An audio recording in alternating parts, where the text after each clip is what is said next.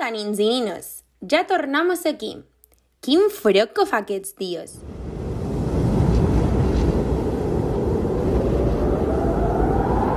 Se nota que ja ha arribat l'hivern. Poseu-vos còmodes i ben calentets que vos contarem el conte de La Terra està molt alta.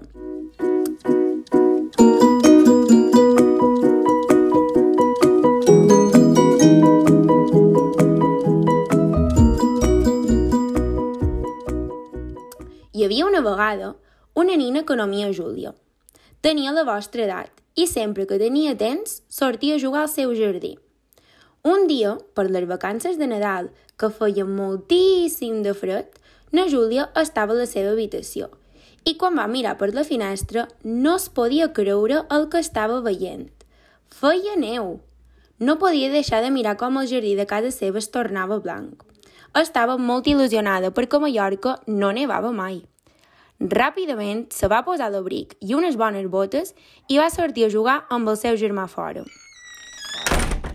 Just en sortir, varen veure una cosa estranya que se movia darrere l'arbre. Era un os polar. Na Júlia havia estudiat a l'escola que els ossos polars no viuen als jardins, sinó que viuen a l'Àrtic, un lloc on sempre fa molta neu.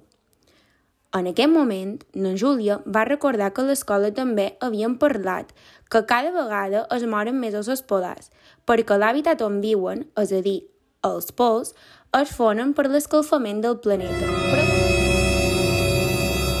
provocat pel canvi climàtic. Vosaltres vos en recordeu de què és el canvi climàtic? Si no ho recordeu, és l'alteració de la temperatura del planeta a causa de l'activitat humana. Després de contar en el seu germà, els dos varen decidir que cuidarien i jugarien amb l'os polar. El que primer varen fer va ser pensar un nom pel seu nom membre de la família. Varen decidir posar-li Blanquet.